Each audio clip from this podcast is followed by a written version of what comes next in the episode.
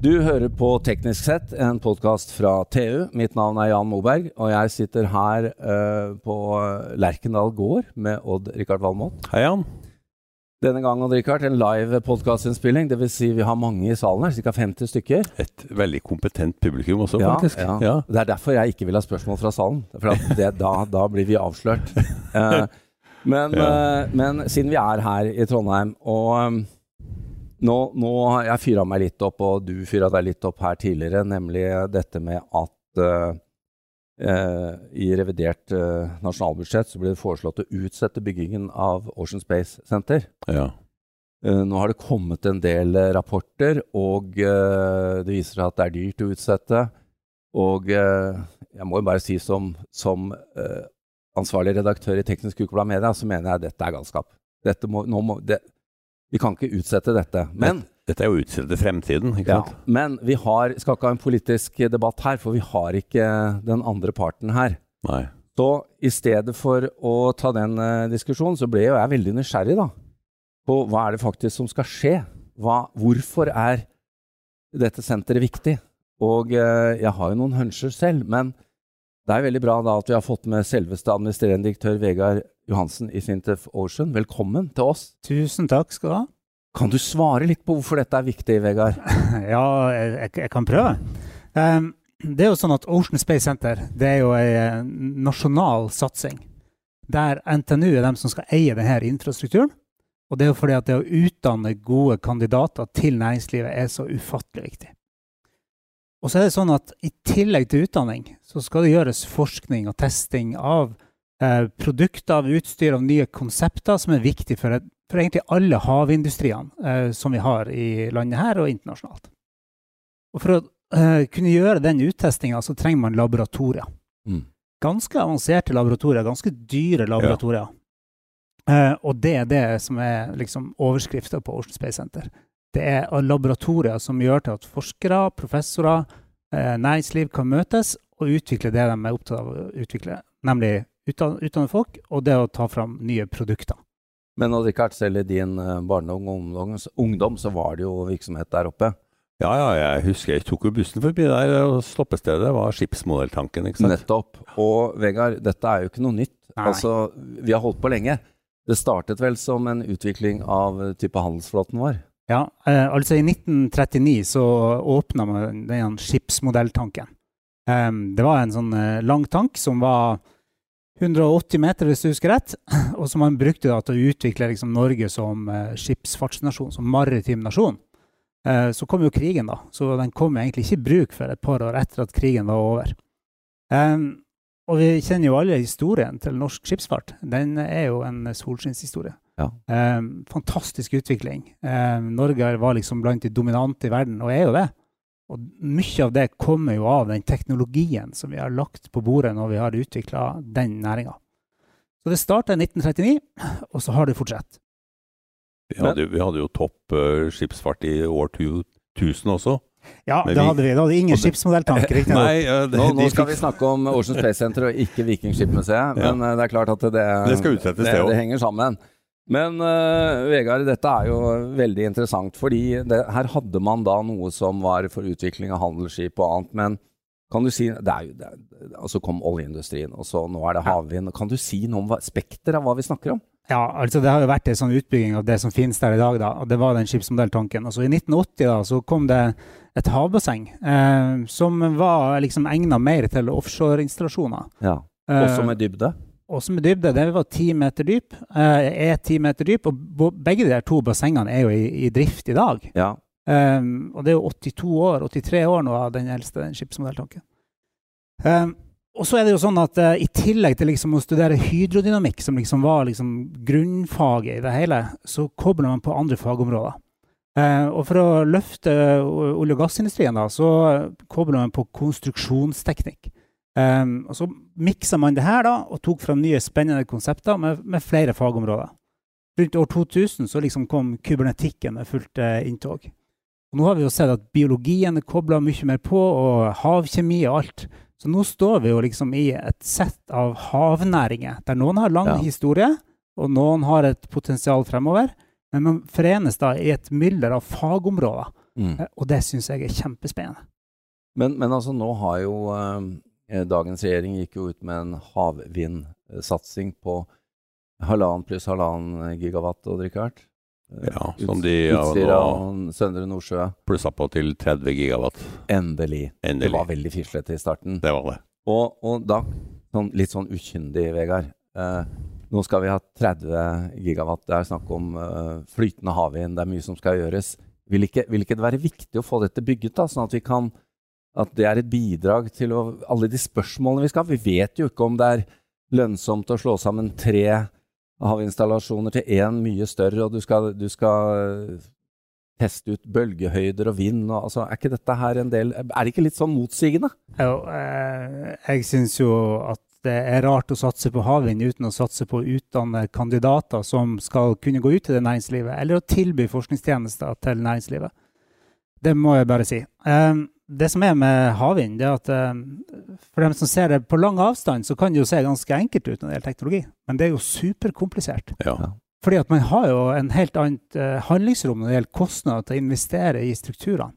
Man har jo tanker om eh, mange forskjellige typer master, om det skal være flytende, om det skal være bunnfast, om det er store turbiner, små turbiner. Hvordan skal det installeres, hvordan ser da havvindturbinene ut og massen ut, og alt det her. Dette er ting vi vet ikke nok om i det hele tatt. Og vi har jo sett at allerede nå da, så er havvind en av de områdene som virkelig driver eh, forskninga både på NTNU og Sintef, Ja. og som er viktig da for eh, framtidig næringsutvikling i Norge. da. ja, for at hvis Norge skal bli ledende, så er det jo snakk om flytende havvind. Ja, altså, ja, vi har har det, ikke så mye eh, grunne områder hvor vi kan sette ned det her. jeg er helt sikker på at flytende havvind kommer til å bli Det er mye enklere for Norge å, å bli ledende der enn Ja. på, på bunnfast. Og Ja. potensialet er jo kjempestort. Ja. Og det har vi lært i dag også fra en tidligere podkastintervju vi gjorde. Eller, eh, det er jo det at eh, flytende havvind lar seg jo um, eskalere, altså replikere i, i, i en uh, standardmodeller. Mens uh, bunnfast, der er det jo grunnforhold og dybde, og det blir litt annerledes, da. Men uh, Vegard, jeg blir veldig nysgjerrig. Det er snakk om å bygge dette nye. Eh, altså det er Selvfølgelig så står jeg og tenker på bassenger. Jeg skjønner at det er mye andre ting som er involvert òg.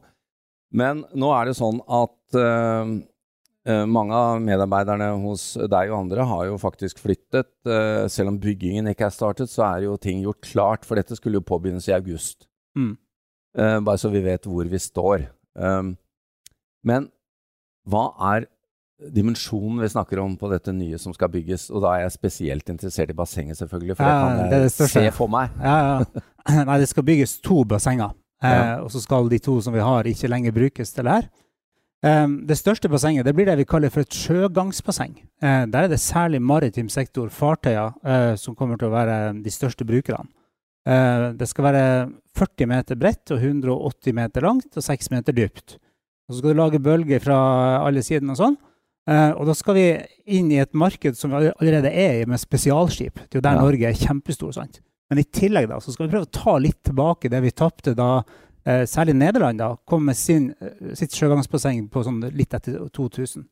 Men altså, nå, nå holder vi til i dag rett ved siden av Lerkendal stadion. Det, det er jo lengden av omtrent to fotballbaner, litt smalere, men altså Dette er kjempestort. Det er kjempestort. Kan da, kan da også modellene bli større?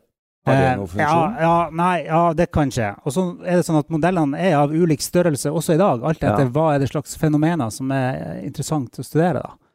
Um, vi har et basseng til. da. Det skal være 50 ganger 60 meter og 15 meter dypt. Ja. Eh, og der er det jo en ekstrafunksjon. Eh, der skal vi liksom eh, sirkulere vannet gjennom eh, også. Også i, I sjøgangsbassenget skal vi flytte modellene, men i havbassenget så sirkulerer vi vann. Og den vannmengden som vi snakker om, det er sånn ca. tre ganger lakseelva Gaula, liksom. Eh, ja, så så, der det er ganske svære ting. Surfe Altså. der, altså.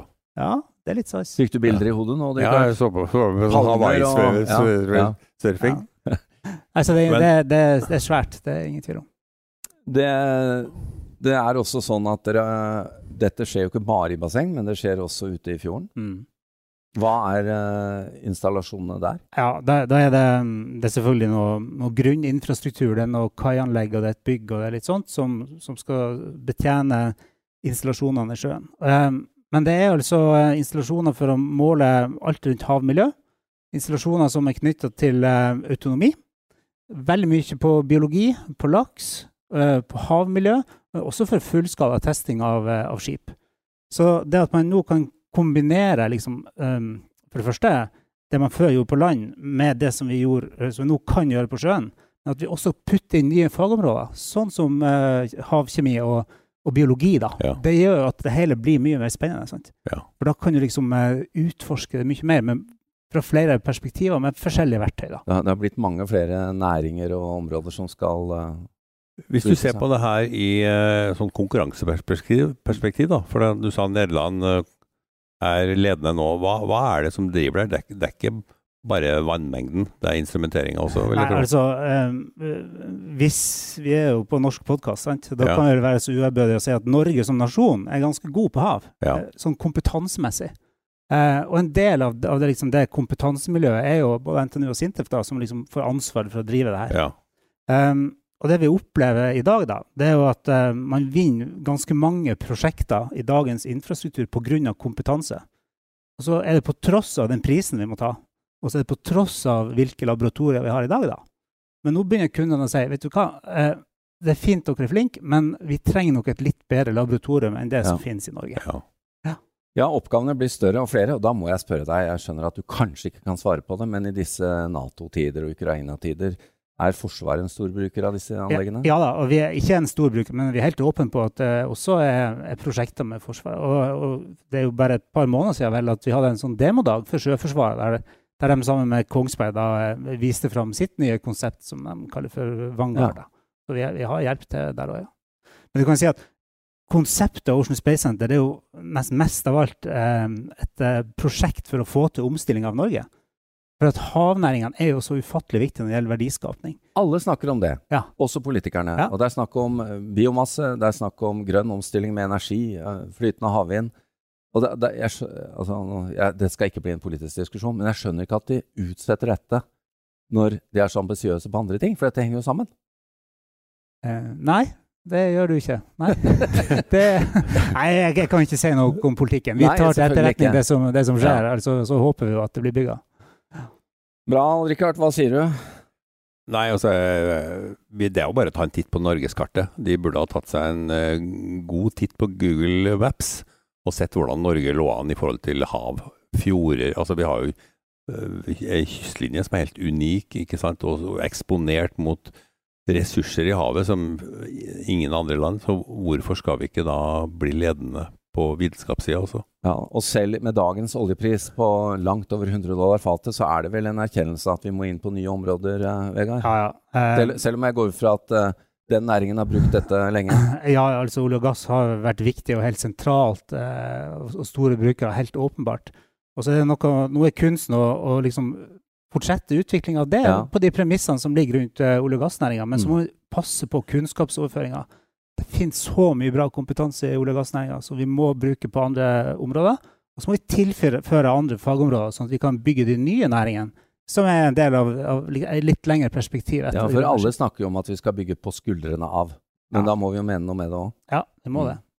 Jeg har et litt sånn, eh, kanskje litt sært spørsmål, men jeg, jeg fikk jo veldig sånn bilder i hodet. Nå er det snakk om disse høye installasjonene med flytende havvind, og så på toppen har du en generator som er ganske tung.